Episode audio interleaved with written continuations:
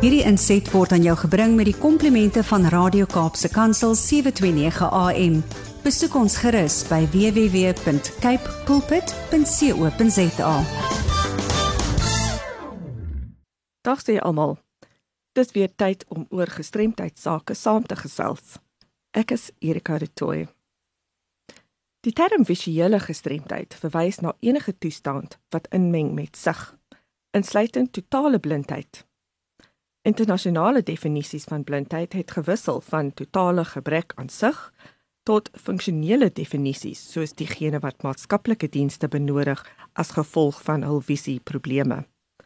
Gevolglik hierdie term visie of visuele gestremdheid meer algemeen aanvaar as die term blindheid aangesien dit 'n groot reeks sigprobleme insluit. Kom ons kyk na 'n paar terme rondom hierdie. Blind. 'n Persoon word as medies blind aanvaar wanneer 'n oogarts of oogkundige sertifiseer dat hulle minder as 10% sig het. Om as medies blind beskou te word, moet 'n persoon 660 visie of minder getoon het. Dit beteken gewoonlik dat 'n persoon nie in enige van die oë kan sien nie op 6 meter met hulpmiddels en regstellende toestelle wat 'n persoon met normale visie op 60 meter kan sien. Dis kan 'n persoon as blind gesertifiseer word en tog 'n redelike nuttige visie kan hê. Mense wat as wettig blind beskou word, sal nie toegelaat word om 'n motorlisensie te bekom nie. Sal 'n aanmerking kom om 'n ongeskiktheidstoelaat te ontvang en 'n aanmerking kom om spesiale opvoedkundige bystand te ontvang. Visuele veld verwys na die hele area wat 'n persoon kan sien sonder om hul kop of oë te skuif. Visuele veld is tradisioneel in grade gemeet en om wettig blind te wees, moet 'n individu 'n visuele veld van 20 grade beskik. En dan sigskerpte verwys na die helderheid van visie waarmee 'n persoon kan sien. Gesigskerpte word tradisioneel as 'n breuk gemeet. Normale gesigskerpte is geklassifiseer as 6.6 of 2020 visie. Dan is daar ook 'n paar oorsake van verlies en ek gaan vandag na 5 kyk. Die eerste is retinitis pigmentosa wat veroorsaak word deur genetiese afwyking wat lei tot 'n nie-inflammatoriese progressiewe degenerasie van die retina. Die pigment van die retina begin verdwyn wat lei tot 'n vernouing van die gesigsveld van buite en lei tot tunnelvisie. 'n Algemene simptoom is nagblindheid en hierdie is ook die algemeenste oorsaak van blindheid in Suid-Afrika. Glaukoom vind plaas wanneer vloeistof in die oog druk op die optiese senuwee plaas wat dikwels lei tot beperkings in die gesigsveld en in sommige gevalle totale blindheid. Katarak is 'n toestand wat lei tot gedeeltelike of totale ondeursigtigheid van die lens. Dit is 'n progressiewe toestand en as dit nie behandel word nie, kan dit blindheid tot gevolg hê.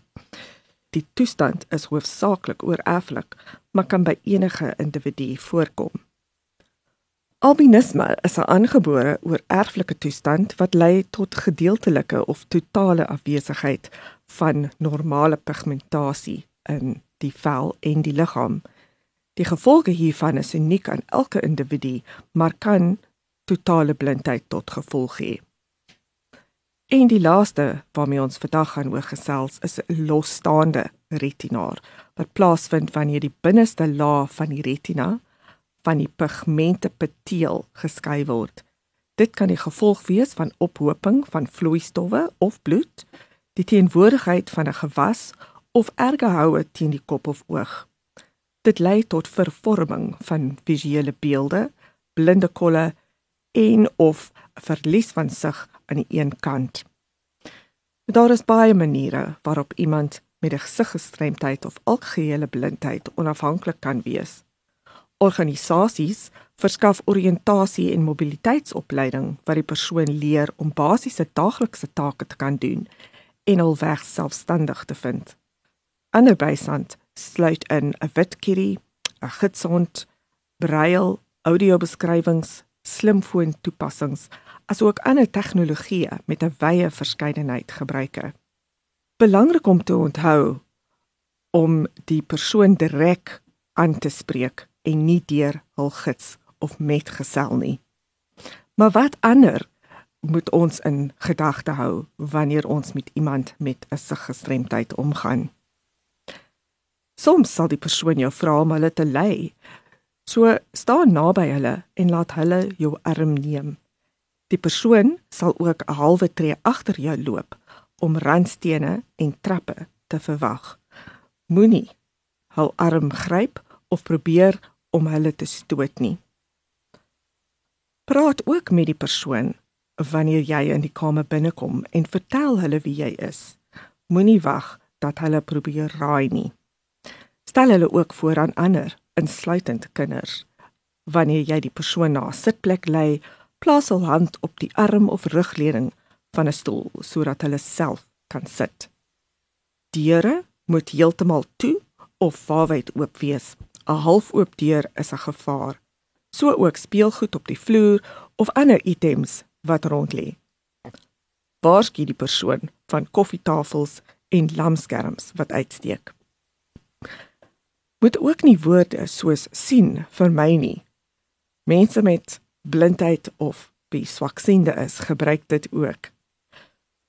Die persoon wil ook nie bejammer word nie, maar moenie praat oor die voordele van blindheid nie. Wat hulle ook al geleer het, is deur harde werk. Die persoon sal blindheid met jou bespreek as jy nuuskierig is, maar onthou ook dat dit vir hulle 'n ou storie is en hulle het net soveel ander belangstellings as wat jy het en sal daar graag daaroor wil praat.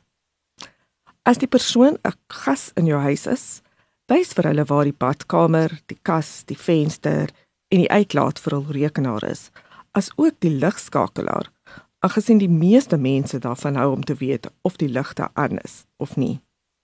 En moenie aan die persoon dink as 'n blinde persoon nie, maar as 'n persoon wat toevallig blind is eerstens die mens, dan sy of haar verlies of gestremdheid.